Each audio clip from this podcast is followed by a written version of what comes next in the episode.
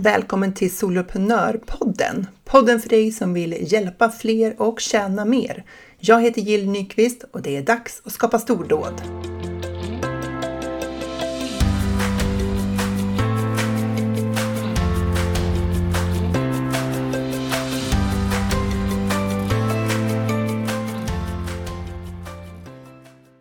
Förra veckan delade jag hur mitt företag startade, varför jag bestämde mig för att börja jobba egen firma och hur otydlig den där starten var. Det här med att gå från kommunal chef, alltså kommunalanställd chef, till att bli en digital soloprenör. Det är ju så mycket känslor i det här. Att jobba i eget företag, det kan ju verkligen vara en berg och dalbana och det kan ändras snabbt. En lansering som känns att den helt tankar kan gå då från att vara katastrof till eufori när fem personer köper sista dagen. Eller du vaknar på topp och får en kommentar på sociala medier som får dig att ifrågasätta hela grejen med att driva företag. Vad var det egentligen för fel på att vara anställd? För när vi jobbar för någon annan så gör vi det på deras villkor och under deras flagg. Det finns något lite tryggare i det. Vi står inte ensam med alla beslut och eh, regler och ageranden. Vi står inte ensam liksom i fronten. Men det gör vi som egenföretagare, oavsett om vi jobbar ensamma eller om vi har medarbetare. Och därför behöver vi ett nätverk kring oss där vi kan ventilera, diskutera och få stöd av andra som har varit i samma sits som oss själva. För det, det där, det behövs, att man har gått igenom samma sak själv eller liknande.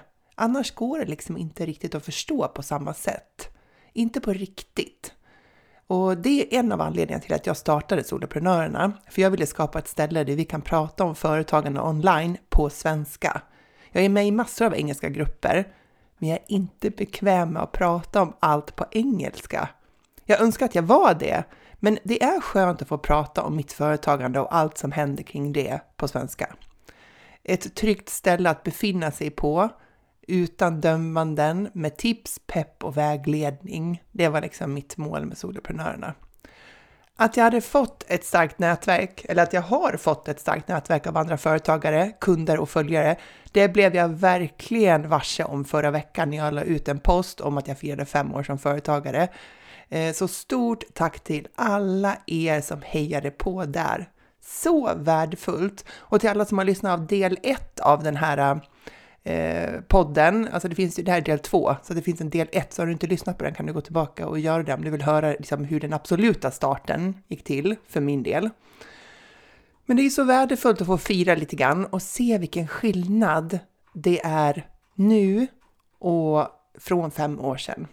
Och du har ju din egen resa där. Du har också gjort en förflyttning. Oavsett om den är fem månader, fem år eller tio år så har du en egen resa där du kan se dina egna skillnader. Jag är så tacksam för alla som väljer att lyssna på den här podden eh, och alltså är jag väldigt tacksam för dig. Jag är tacksam för alla kunder som har valt mig som affärscoach, antingen privat, så här en och en, eller via Soloprenörerna, eller som konsult. Det är inget jag tar för givet. Och tack vare alla er så utvecklas jag och lär mig hela tiden. Så värdefullt! Snacka om att ha roligt på jobbet! Men det är ju inte alltid en dans på rosor. Jag har ju mina upp och nedgångar också som vem som helst. Jag är fortfarande inte immun från företagandets baksidor, eh, men jag tänker att det är som det ska vara. Hur kan man uppskatta det som är bra om man inte samtidigt har motgångarna? Vi behöver liksom ha två sidor av myntet. Och faktum är ju också att så här, sitter man som anställd, eller som jag som jobbade som anställd chef, det var inte så att mitt liv var utan motgångar då heller. Det var jättemånga utmaningar som följde med det, det var bara en annan typ av utmaningar. Så det där, det har vi med oss hela tiden. Det är liksom plus och minus, sött och salt. Det är livet. Så det här är alltså då del två av min resa från att vara kommunalanställd chef till att bli digital entreprenör, eller i mitt fall då soloprenör. Eh, och, så det är där vi startar nu. Hur jag verkligen kom igång med att erbjuda tjänster online. Den 26 januari 2019 slog jag och min kollega Ulrika Gill upp dörrarna till en medlemsklubb för föräldrar som vi med stor möda hade döpt till Funka med ADHD Vänner. Det var väldigt svårt att hitta ett namn. Målet var 1000 medlemmar och priset var 99 kronor med moms.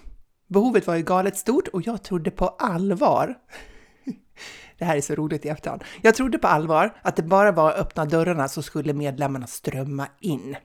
Allt vi hade eh, där i starten var webbkursen som jag tagit fram typ våren innan.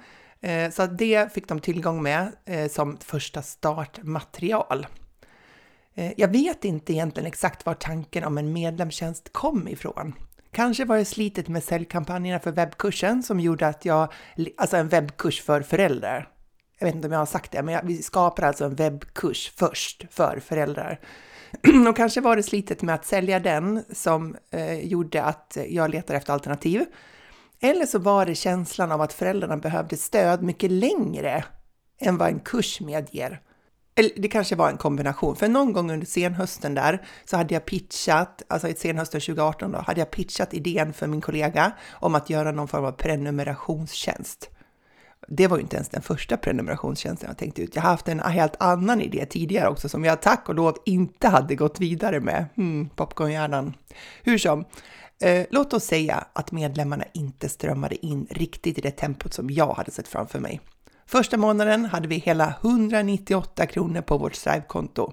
Och du vet, då är det minus moms, minus Stripe-avgift och delat på två personer. då kan man skatta hela vägen till banken. Första våren var ett slit. Vi försökte sälja hela tiden, eh, vilket vi ju inte riktigt visste hur man gjorde. Vi hade ingen plan för vad vi skulle leverera i medlemstjänsten utan uppfann det vecka för vecka. Jag konsultade, hon jobbade som lärare och vi var övertygade om att vi hade missat någon magisk strategi som alla andra hade förstått, men inte vi. För det gick ju så långsamt. Vart var alla de här kämpande föräldrarna som vi skulle hjälpa?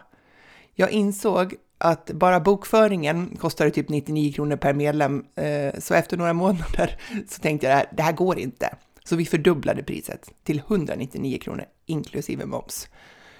Oj, vad vi lärde oss under den här tiden. Det är härifrån jag har hämtat insikter i hur viktigt det är med struktur för leveranser i en medlemstjänst.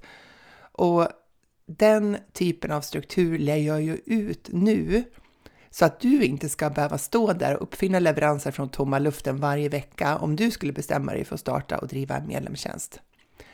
Jag lärde mig att ting tar tid, vilket var en jättetråkig lärdom. Jag älskade inte den. att det handlar om att bygga ett varumärke där rätt personer vet vad vi kan hjälpa till med. Jag lärde mig att tekniken inte är det viktigaste för att skapa värde. Den är nödvändig, men exakt vilken plattform man väljer är inte det som gör mest skillnad för medlemmar. Så det är bara att välja en prisvärd plattform som klarar av det du vill erbjuda. Jag lärde mig framför allt att det inte finns något magiskt trick som jag hade missat men som alla andra hade hittat. De som sålde bra online hade helt enkelt gjort jobbet med att hitta problemet de löser, paketera sin tjänst så att det går tydligt framgår att de kan lösa det där problemet och de hade klivit fram och varit synliga över tid. Och jag lärde mig att lära mig. Att det handlar inte om att få det perfekt från början. Det handlar om att faktiskt börja göra de där första sakerna som skrämmer en och sen göra det om och om igen. Även när det är osäkert, blir fel, taffligt och besvärligt. För sen går det över. Insikter skapas, lärdomar och erfarenhet som gör att vi kan göra det ännu bättre nästa gång. Vi kan ta oss, liksom, göra smartare val, utföra med högre kvalitet till ett bättre resultat. Men inget av det vore ju möjligt om det inte vore för de där första gången, de där första stegen vi tar, de där första tillfällena när vi gör allt det där. De där fula Instagram-inläggen för att jag inte hade hittat mina färger, eller form eller något annat. De där fula typsnitten för att jag inte hade hittat min typografi. De där oprecisa texterna för att jag inte hittat min röst. Tragglandet med tekniken för att jag inte fattade Mailchimp eller det temat i Wordpress och ännu värre hur man kopplar ihop dem. Alla gånger jag av misstag raderat ljudspåret i Garageband för jag har klickat fel när jag redigerade. Du vet så här, ah, vart tog det vägen? Allting är borta. Mm, det har ju hänt mer än en gång. För att inte tala om alla timmar som jag har lyssnat på podcast för att förstå digital marknadsföring, ofta på engelska. Eller hur jag skannat YouTube i jakt på en lösning på ett tekniskt problem som jag satt fast i.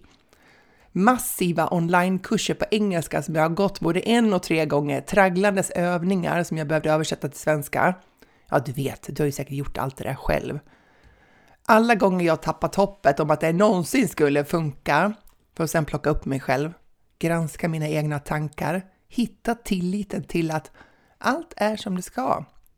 Jag är precis där jag ska vara. Och hur visste jag det? För att det var här jag var. Det skulle aldrig ha skett på något annat sätt. Och hur vet jag att det aldrig skulle ha skett på något annat sätt? Jo, för att det var så det blev. Och det finns ingen mening med att argumentera mot verkligheten och önska att någonting hade hänt annorlunda, oavsett om vi, vad det är för annorlunda, om vi skulle, ha, vi skulle ha varit längre framme, vi skulle ha kommit, vi skulle ha åstadkommit mer, sålt mer eller vad det nu är för någonting. För när vi argumenterar mot verkligheten, då förlorar vi alltid. Sen kom ju pandemin våren 2020. Jag hade ett nytt konsultuppdrag, eh, men ville inte släppa det här online-spåret som vi höll på att bygga upp med Funka med ADHD. Eh, antalet medlemmar hade växt.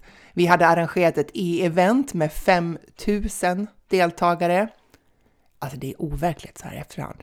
Vi rådde i hamn ett event med 5000 deltagare, alltså det var ett gratis event. Eh, och jag undrar om det var just det där för att det var lite nytt det här, det var många som hade kommit online i och med pandemin, om det var därför det blev så ofantligt stort. Jag hittade anteckningar från den här tiden, jag gick tillbaka och gjorde lite research inför det här avsnittet. Planen var 500 deltagare, det står så, så här, mål 500 deltagare. Och tanken var ju för att det skulle vara ett event för att så småningom då få in medlem, eh, föräldrar i medlemsklubben. När det blev så här galet många, då fick vi panik. Vad skulle vi göra? Vårt event som det såg ut då, det var inte riggat för så många. Det var helt enkelt inte tillräckligt bra. Inte så där bra. Eh, och jag har ju berättat om hela det eventet i tidigare avsnitt av podden, så du kan gå tillbaka och lyssna på dem om det är så att du eh, vill höra den storyn. Eh, men i korthet så var det så här, efter att ha våndats, förfärats, panikat över antalet, så gjorde vi det enda smarta. Istället för att fråga oss hur 17 skulle vi klara av det här, så ställde vi oss en ny fråga. Vad kunde vi göra med tillgängliga medel för att det skulle bli ett event som vi verkligen kunde vara stolta över? Så två personer planerade detta 5000 personers event digitalt från köksbordet.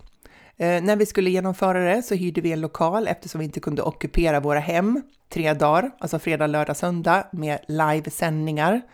Eh, för du vet, familjen och så. eh, vi livesände, jag vet inte om det var fyra, fem timmar per dag. Eh, och vi hade också inspelat material och vi rodde i hamn det här med bravur. Alltså deltagarna var så nöjda och vi var så glada. Affärsmässigt så gjorde vi ett stort misstag som vi fick sota för under lång tid efteråt.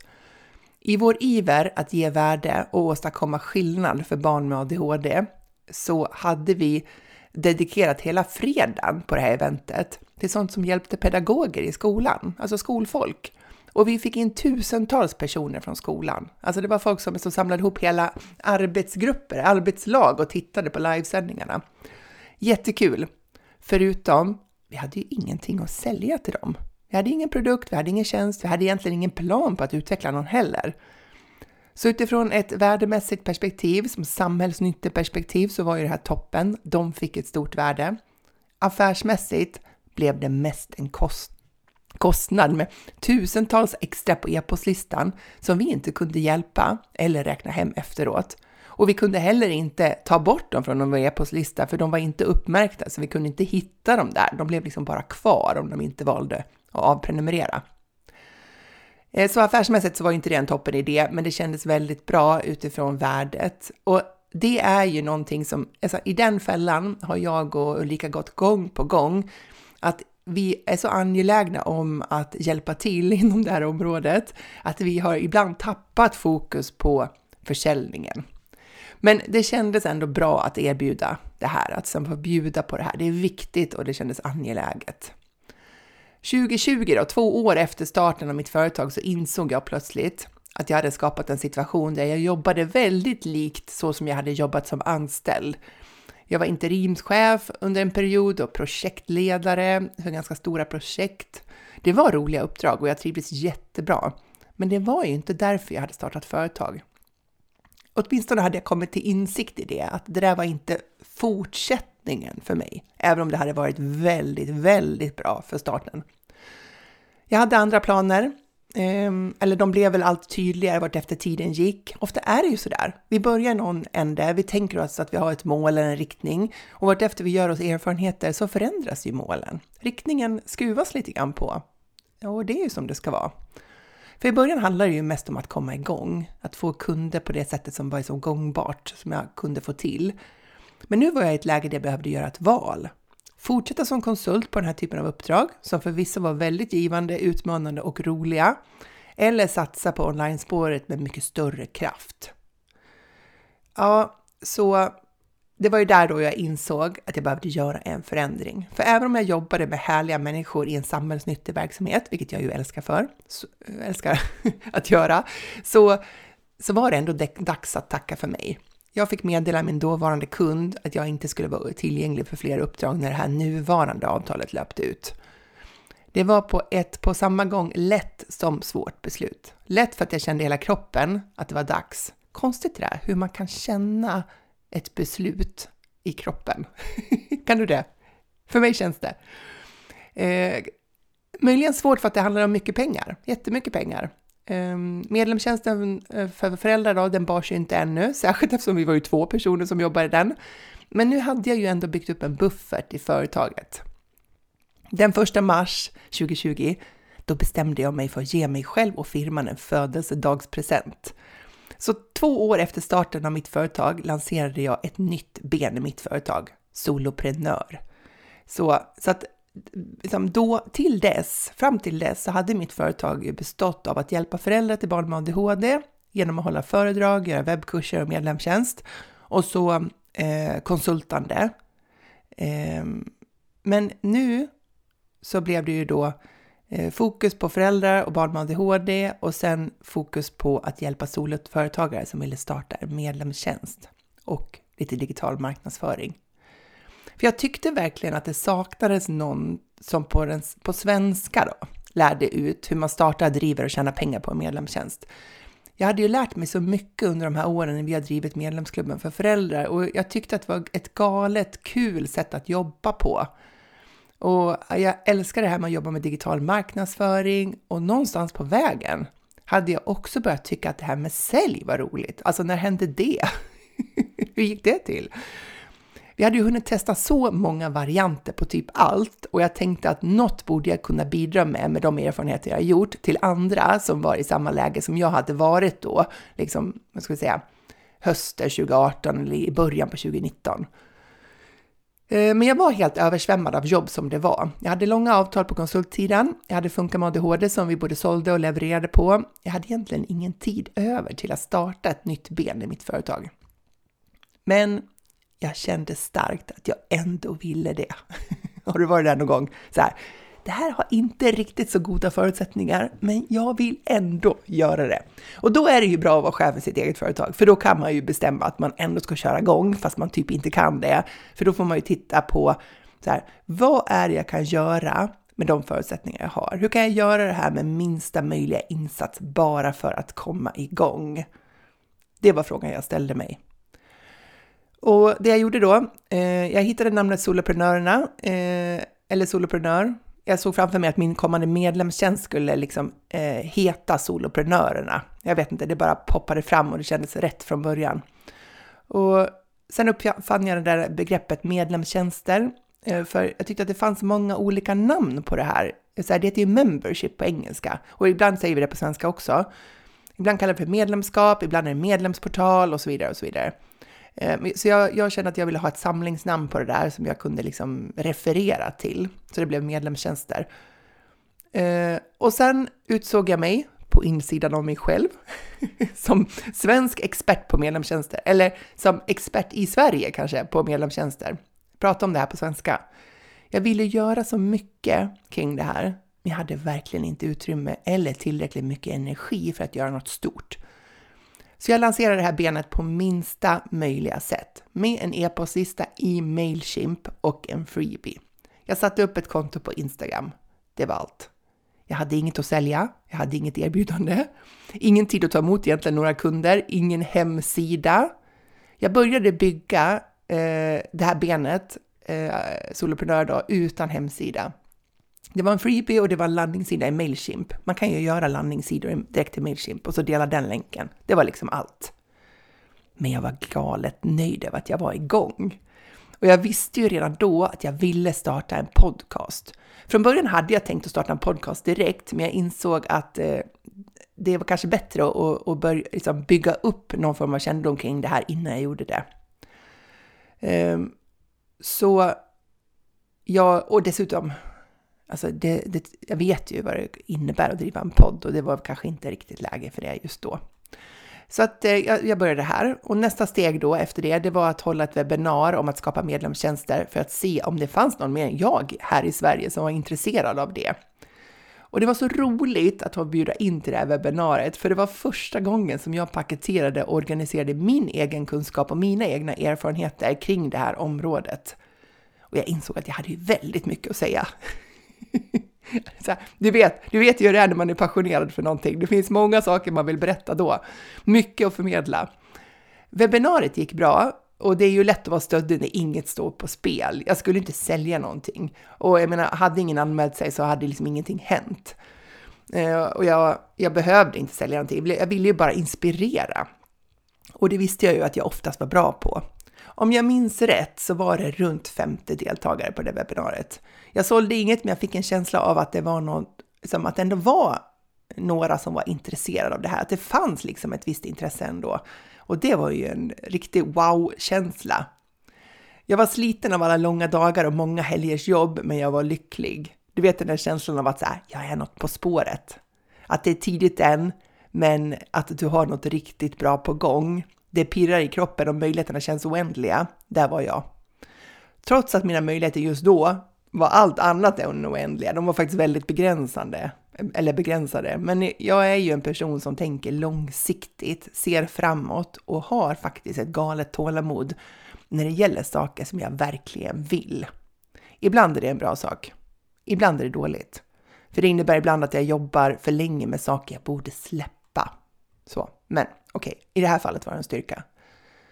Efter webbinariet, eller om det var en livesändning, eh, så hade jag eller om jag hade hållit någon livesändning utöver det eh, i någon av Malin Hammar Blomvalls grupper så, så fick jag min första kund. Hon hade hört mig prata om medlemstjänster och insåg att det här var ju svaret på vad hon själv ville bygga upp. Och jag var inte alls beredd på att jag skulle sälja någonting. Jag hade ingen plan för det. Vilken entreprenör jag är va? Lansera ett nytt affärsben utan att ha någon plan för vad man ska sälja. Inga tjänster. ja, så här i efterhand kan det kännas lite konstigt. Men Eh, jag uppfann en coachingtjänst då på, på förfrågan. Och den där våren så fick jag in några coachingkunder på den här delen av firman. Och det var ju otroligt roligt. Jag fortsatte posta på min mikroskopiska, mitt mikroskopiska Instagramkonto och jag fortsatte skicka mail till min lilla, lilla, lilla lista i Mailchimp. Sen gick jag över till MailerLite. så. I juni efter mitt konsultuppdrag hade jag tagit en paus. Alltså själva uppdraget hade tagit en paus för det blev semester och så. Då, eh, det var juni 2018, då gjorde jag en webbkurs i hur man skapar medlemstjänster i rekordfart. Och min första kurs då hade tagit typ åtta månader, om vi tänker den här medledarskap i förändring. Och sen hade jag gjort någon kurs då för föräldrar. Och sen var det det här nu då. Så eh, gick den här typ åtta dagar istället. Eller inte riktigt, men det, alltså på ett par, tre veckor var den klar. En webbkurs i hur man skapar medlemstjänster. Jag lanserade den över sommaren och fick in mina första deltagare. Jag erbjöd coachning som en bonus och den hade, eh, hela kursen hade ett galet bra pris. Jag minns inte riktigt vad det var nu, men det var riktigt billig. Jag tror det var under 3000 spänn. Eh, det gjorde att jag snabbt kom igång och träffade fler företagare och fick en bra känsla för både vad jag kunde, ibland är det ju svårt att förstå vad det är man kan och vad som är relevant för någon annan, och vad de behövde hjälp med. Alltså vilka delar som var svåra för dem. Så så mycket lärdomar fick jag där. Det var dåligt betalt, men jag fick många lärdomar. Väldigt värdefullt för framtiden. I augusti 2020 startade jag äntligen Soloprenörpodden. Jag hade bestämt mig för att komma ut med ett avsnitt varje vecka. Något vi aldrig hade klarat av på Funka med ADHD-sidan. Men nu var jag ensam, jag kunde styra tiden själv. Och visst, det blev många helger som det blev poddinspelning på. Men jag fick det gjort. och jag har kommit ut med ett poddavsnitt varje vecka sedan dess.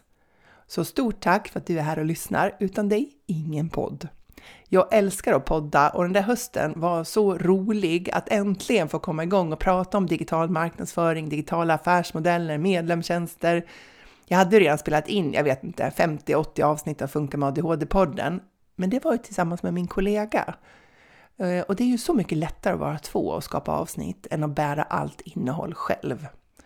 Det är ju den största utmaningen med att driva en podcast. Fortsätta skapa innehållet över tid. Att hänga i och få jobbet gjort även när det tar emot.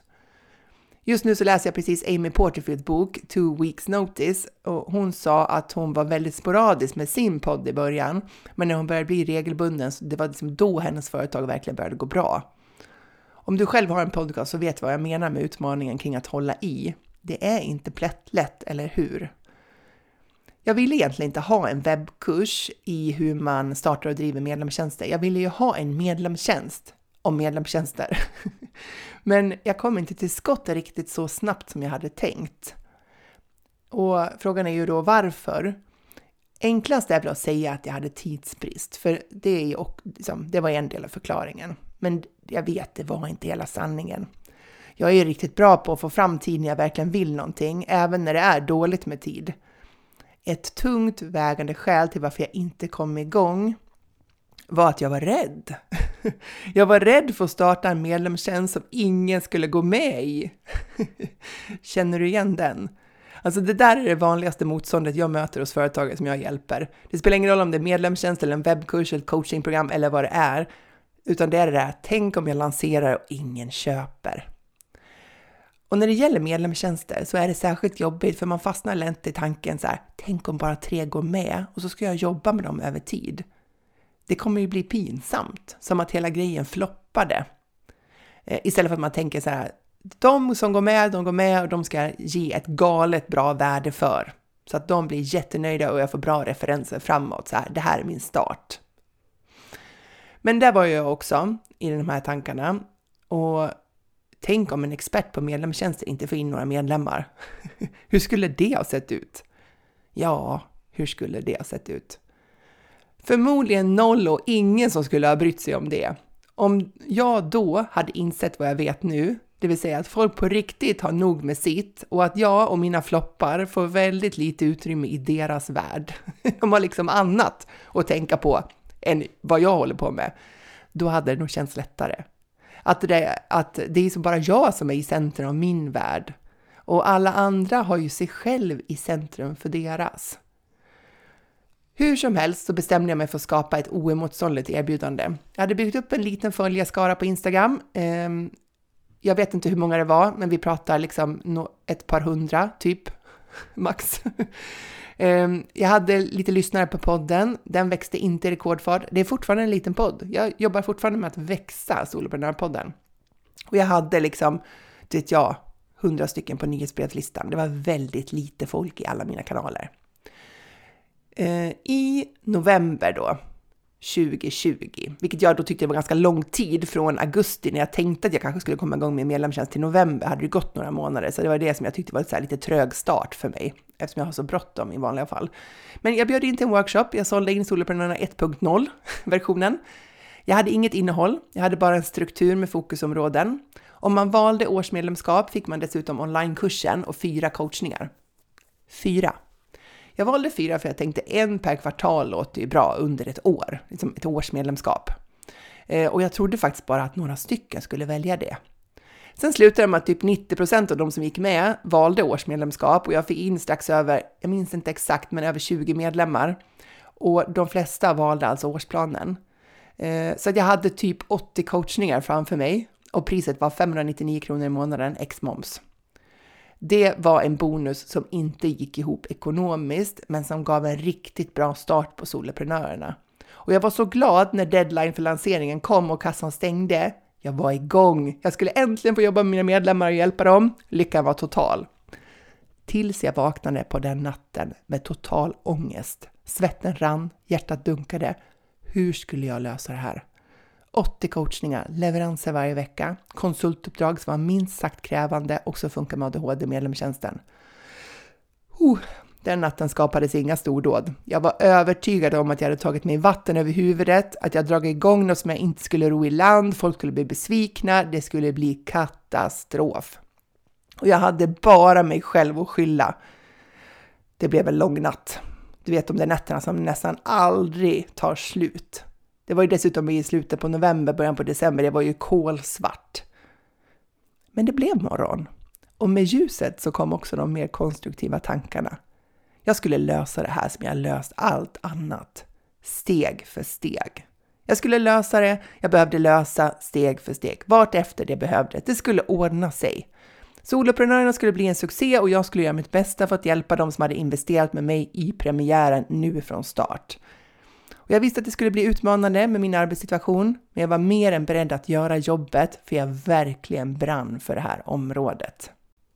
Konsultuppdraget var ju kvar och jag jobbade med det, eh, fast mycket hemifrån. Eh, och det var ju det här med sista våren med det här uppdraget då, 2021.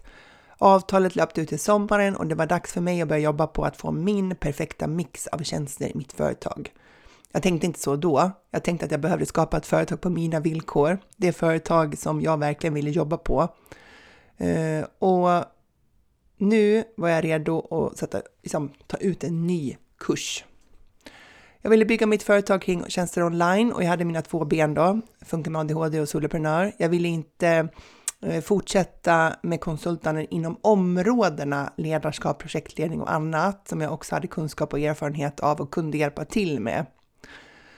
Så hösten 2021 så började den verkliga vridningen och jag hade teamat upp mig med en kollega, LinkedIn-experten Ulrika Mortén och vi hade skickat in på en upphandling och vi blev en av dem eh, som fick uppdraget, alltså en av flera utbildningsleverantörer inom digital marknadsföring. Jag skulle utbilda live kring webbkurser, e-postmarknadsföring, webbinar. Du hör ju, bara de roliga grejerna. Eh, I ett och ett halvt år typ. Och det mesta skulle ske via Zoom. Det var ju fantastiskt. Dessutom fick jag möjlighet att komma in på ett företag för att hjälpa dem med sin digitala marknadsföring och en kommande stor medlemstjänst. Ett riktigt drömuppdrag som också passade in i min perfekta mix. Så nu då, nu bestod firman av Funka med ADHD, medlemstjänsten där, soloprenör, medlemstjänst, coachningar, utbildningar, byggandet av newsendler-webbar och konsultande. Just då var det min perfekta mix av tjänster. Vilken grej! 2022, förra året, det blev mitt mest intensiva år hittills. Alla tjänster lades på varann och jag var i leverans typ alla timmar på veckan. Du vet att jag brukar prata om att inte fastna på lagret. Well, jag fastnade i butiken.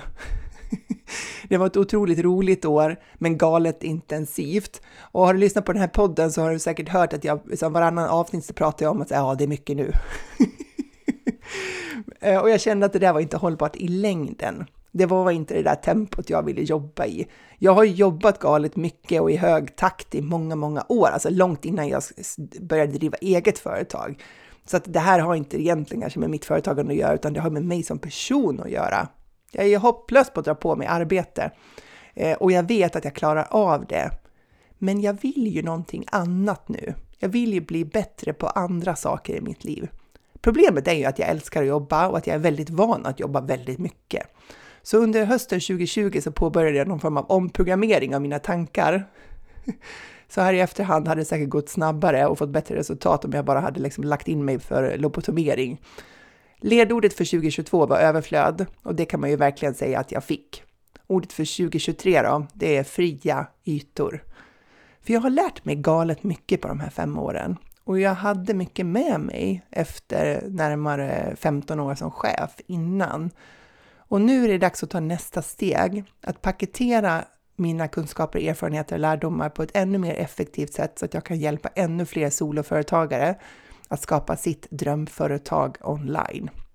Så i år vill jag utveckla soloprenörerna. Jag håller på, eh, ja, så där har jag en del nya tankar. Och jag håller på ah, med ett kreativt sidoprojekt. Mm. Skriva min första roman. Jag har skrivit två böcker innan, men det handlar ju om ADHD-spåret. Det här är en roman. Helt annat. Dessutom är det en sci-fi, en science fiction. Och det, den ska typ komma upp i 100 000 ord. Målet är att vara klar med råmanuset i höst. Eh, låt oss kalla det senhöst. Jag vill träna mina hundar, jag vill komma ut och tävla med dem, jag vill tillbringa mer tid med mina barn, om någon nu händelsevis skulle vilja hänga med sin mamma. det är ju inte säkert nu när de börjar bli större. Eh, jag vill ha en bra balans mellan att jobba på lagret och stå i butiken. Jag har många härliga kunder som jag vill fortsätta jobba tillsammans med. Så tillbaka till första frågan i den första delen av det här, de här två femårsavsnitten eller jubileumsavsnitten. Skulle jag hoppat ut i ett egenföretagarliv om jag hade vetat vad som krävdes? Svaret är tveklöst ja. Även om jag inte skulle vilja börja om igen för allt smör i Småland, alltså börja om från noll, alltså från, från den position där jag var då, eh, mars 2018. Eh, när jag började om i en ny nisch eh, så var inte alls det samma sak som att börja bygga, om för, bygga upp företagande från start. Eh, soloprenördelen av mitt företag kunde jag bygga upp så mycket snabbare än vad jag gjort första svängen när jag pratade omkring ledarskap, ADHD och allt det här. Och det är det som är så fint. Allt du har lärt dig hittills har du med dig framåt. Du kommer aldrig stå på noll igen. Aldrig!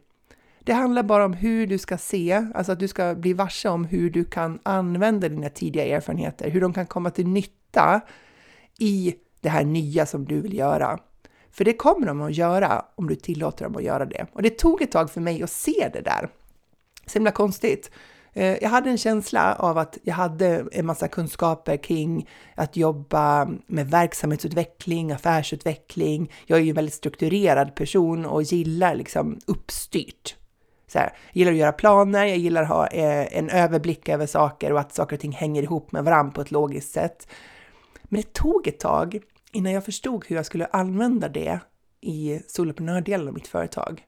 Hur jag kunde använda den kunskapen för att hjälpa andra som har samma behov kring att strukturera upp sin verksamhet och jobba mer organiserat och smart. Så att ibland är det så att de här erfarenheterna du har med dig, det tar ett tag innan du förstår hur du bäst använder dem där du står här och nu. När jag är med i andra poddar och får frågan om vad jag vill skicka med till andra företagare eller vad som skulle kunna vara då min viktigaste lärdom, då brukar jag svara att börja göra. Att vi inte kan tänka oss till klarhet. Vi måste börja göra. Och när vi gör, agerar, även om det är taffligt som min första livesändning som jag eh, berättade om i förra avsnittet, eller som att jag inte har någon tjänst att sälja när jag startar ett nytt affärsben eller när jag skulle hålla föreläsning på lokala biblioteket och, och en person kom. En kom till den föreläsningen. Eller när jag lanserade en webbkurs som ingen köpte. Och, alltså allt det där är ju saker som har hänt, som skapar erfarenheter.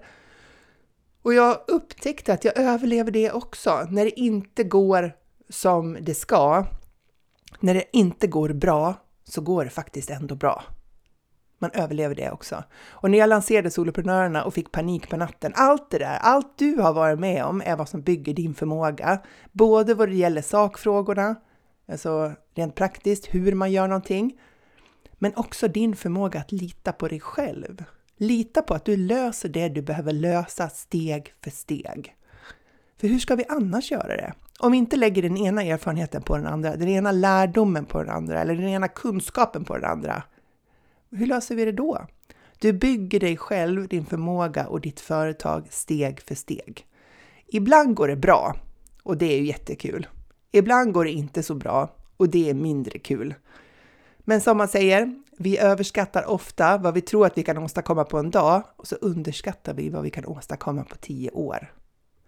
Nu är det min mission att fortsätta skapa min perfekta mix av tjänster så att jag får det företaget som ger mig fria ytor att skapa på. Och jag vill hjälpa dig att skapa din perfekta mix så att du kan få ett hållbart företag online. Ett företag där du både tjänar de pengar du behöver, hjälper till på det sättet du vill, samtidigt som du hjälper dem du brinner för att hjälpa. Det finns inte ett rätt sätt som funkar för alla. Du har ditt sätt och det kan vara precis eh, som jag har berättat här för dig, att det förändras över tid. Eh, det som är rätt nu kanske inte behöver liksom kännas rätt eh, om två år. Vi är i ständig utveckling och i ständig rörelse. Och vårt jobb som chefer och företagsledare, det är ju att säkerställa att vårt företag går i den riktning vi själva önskar. Så att vi skapar det företaget som vi faktiskt älskar att jobba i, både idag och imorgon. Jag hoppas att min resa från att vara kommunalanställd chef som aldrig sålt något till digital soloprenör som älskar att sälja har inspirerat dig på något sätt. Har du det så får du jättegärna tagga dig i en story eh, på Instagram, ta en skärmdump på det här avsnittet och tagga solopreneur.nu. För jag vill jättegärna fortsätta följa din väg till stordåd.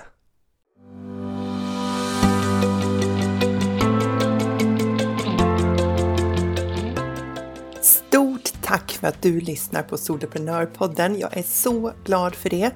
För att du inte ska missa när ett nytt avsnitt kommer ut så prenumerera gärna på podden i den poddspelare som du använder så vet du att du alltid får en notifiering när det är dags för ett nytt avsnitt. Om du vill får du gärna ta en skärmdump av det här avsnittet och tagga mig på Instagram i en story, solopreneur.nu. Jag tycker det är galet roligt att se alla er som gör det, för då vet jag ju att just du lyssnar och det är ju helt fantastiskt. Stordådligt, som jag skulle kunna säga.